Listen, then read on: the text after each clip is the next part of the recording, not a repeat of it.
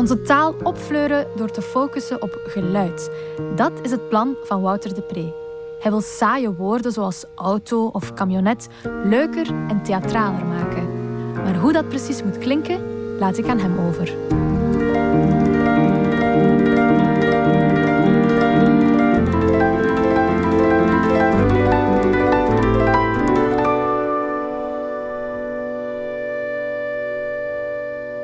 Mazeik vliegt een agressieve oeh rond. Het dier zou makkelijk te herkennen zijn. Het roept agressief oeh. Zodra ik dit las, werd de oeh een van mijn favoriete dieren. Naast de tjiftjaf, die zich kenbaar maakt door tjiftjaf te roepen. De kiewit mag er ook zijn. Die zou namelijk uh. Kijk, bij dit soort vogels zie ik mijn verre droom om ooit ornitholoog te worden nog haalbaar.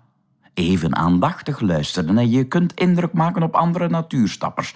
De hop, genoemd naar zijn roep, zal zelfs een onomatopee zijn in verschillende Europese talen. Oepoepa in het Italiaans, hopf in het Duits, up in het Frans en hoepoe in het Engels. Die eengemaakte Europese taal begint bij een vogeltje met een opvallende kuif en een heel onhygiënisch nest, waardoor het ook de bijnaam drekhaan draagt, enkel in het Nederlands. Ik ben groot voorstander van onomatopeeën, omwille van hun gebruiksgemak. Niet van die slappe onomatopeetjes zoals brommer, eh, toeter of buzzer, waarbij je van de pure nabootsing van het geluid dan toch nog een volwassen zelfstandig naamwoord probeert te maken. Nee, een kikker mag simpelweg een kwaak zijn voor mij, een hond een waf en een kat een miauw. Dieren waarvan het geluid dat ze voortbrengen minder duidelijk of gekend is, zoals de egel, kunnen we met andere klanknabootsingen omschrijven. Ze worden in onze drukke straat zo vaak overreden dat we ze met flatsch zouden kunnen aanduiden. Geluidstaal voelt ook gewoon lekker om te gebruiken. Veel lekkerder dan gewone taal. Al jaren praat ik nauwelijks over verkeer, gewoon omdat het zulke saaie woorden bevat. Auto, zo functioneel, vreselijk. En camionet en mobilet met dat betuttelende verkleinwoordje erachter. Step en fiets zijn dan weer ronduit onnozel.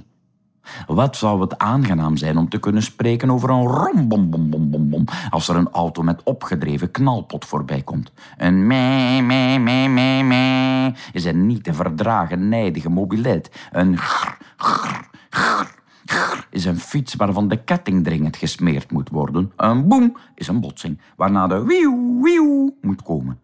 Je kunt hier tegen inbrengen dat in de elektrische toekomst het geluid van vervoersmiddelen weg zal vallen. Maar dan kunnen we de voertuigen benoemen door wat de bestuurders ervan dikwijls naar hun kop geslingerd krijgen, omwille van al dan niet vermeende arrogantie. Etter zou dan een buitenmaats elektrisch voertuig van een topmerk kunnen aanduiden. Of beter nog, we zouden kunnen differentiëren naar trapetter voor een snelle elektrische fiets, sta-etter voor de elektrische step en zit-etter voor de Tesla Model X chauffeur. En verder zou het wat vlakke Nederlands opfleuren door te focussen op geluid. Het maakt onze taal expressiever en theatraler. Lees onderstaande beschrijving van een bevalling maar. Jonas en Sarah kregen gisteren een nieuwe Het werd geboren om 22 uur 15 na een 10 uur durende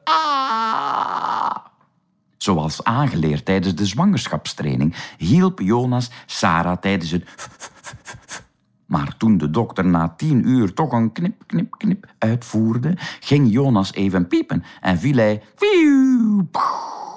Hij ligt nu met een schedelkrak in een ziekenbed naast hun nieuwe... Sarah grumbelde dat Jonas toch altijd de aandacht naar zichzelf moet trekken. Toen de bezoekers allemaal eerst naar Jonas wisten, dan pas naar de bij en dan pas naar Sarah. Voelt u hoe de scène fysieker wordt?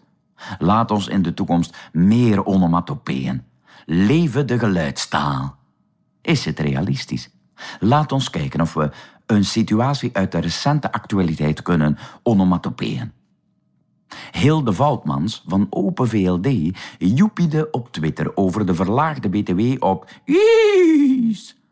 Maar toen veel te veel lezers godverdomden oei mevrouw Voutmans en tippi tippi tipte ze rap rap op de toets. Als u deze zinnen snapt, zijn we klaar voor de overstap naar geluidstaal.